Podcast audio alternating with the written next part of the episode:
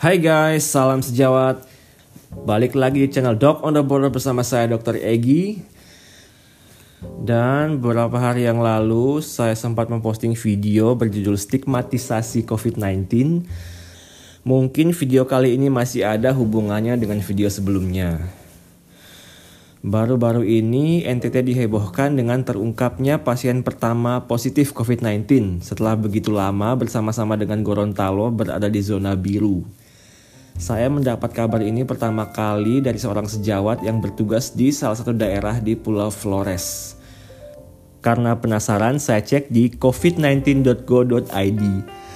Ternyata benar telah dikonfirmasi oleh gugus tugas COVID-19 Kabar ini pun menimbulkan banyak spekulasi di daerah mana orang yang dinyatakan positif COVID itu berada sekarang. Apakah di Pulau Timor, di Flores, atau Sumba? Tentunya saat itu saya tidak berharap orang itu berada di Pulau Timor.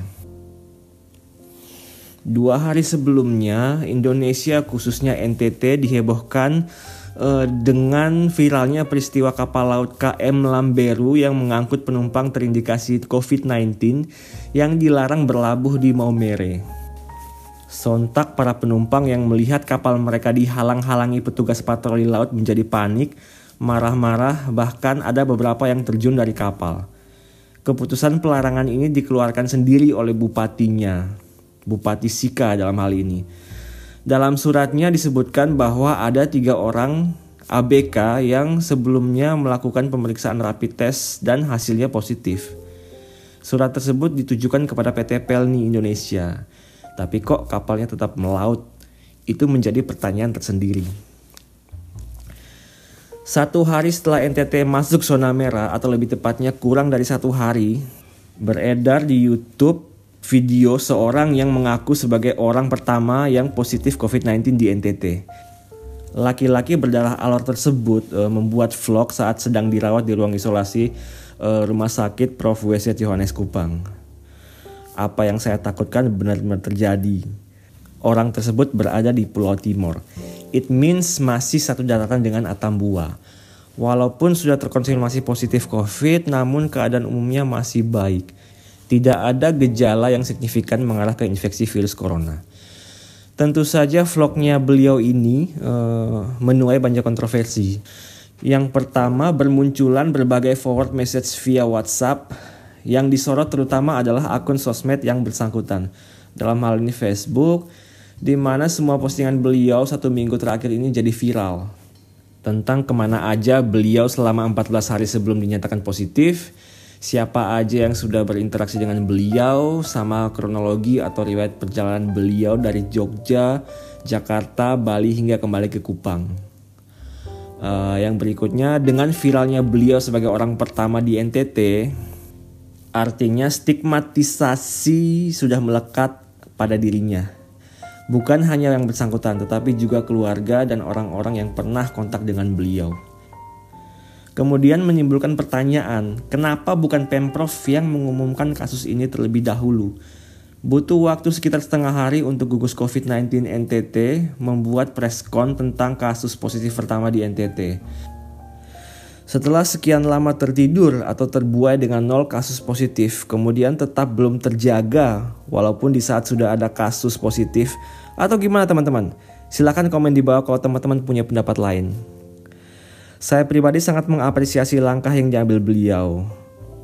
Setidaknya sebagai tenaga medis, meningkatkan kewaspadaan dengan rajin mencuci tangan dan kewajiban memakai APD. Tentunya keberanian beliau ada harganya. Ke depan, sebelum beliau sembuh, sebelum keluarganya atau kerabatnya yang melakukan kontak dinyatakan negatif, maka stigma sosial, bulian, makian, dan lain-lain harus diterima. Anda hidup di negara plus 62 di mana netizen lebih kritis dibanding anggota dewan. Mengkritik boleh, tapi nggak usah membuli. Beliau lagi butuh dukungan moral. Untung orangnya kooperatif, mau ikut semua prosedur dari rapid test, isolasi mandiri, sampai isolasi di RSUD. Bayangin kalau dia diam aja, nggak ngelapor karena takut stigma sosial, kemudian keluyuran ke mana-mana, kemudian kontak dengan orang sekitar makin luas, kemudian gejala berat muncul, sehingga yang bersangkutan harus dibawa ke IGD rumah sakit yang kebetulan bukan center penanganan COVID. Kalau kayak gini, kira-kira udah berapa orang yang bisa terjangkit? Bisa aja saya pas di rumah sakit atau Anda secara tidak langsung pernah berpapasan atau bicara dan sebagainya dengan orang tersebut. Akan lebih besar angka atau risiko menularkan penyakit ini dibandingkan dengan yang sudah dilakukan beliau. Pasien ODP, PDP adalah korban. Kalau kita menstigmatisasi mereka, mereka bakalan takut melapor kalau takut, maka orang ini akan bebas menyebarkan virus. E, seperti sebuah bus yang ngoper atau nurunin penumpang dari satu bis ke bis yang lain. Apa sih enaknya ngebully? Kalian dapat apa dari ngebully? Jaga jarak dengan penyakitnya boleh, tapi tidak dengan orangnya. Atau terserah teman-teman deh, mau menghindari orangnya sekalipun, tapi jangan menambah beban moral mereka dukung dengan doa atau melalui sosmed beliau sehingga terus semangat menjalani masa sakitnya. Sekali lagi untuk teman-teman tenaga medis, kasus pertama ini adalah COVID-19 tanpa gejala. Tetap waspada di mana pun sejawat sekalian berada atau bertugas, ayo pakai APD sesederhana apa pun, jangan menunggu jatuh korban lagi di antara kita.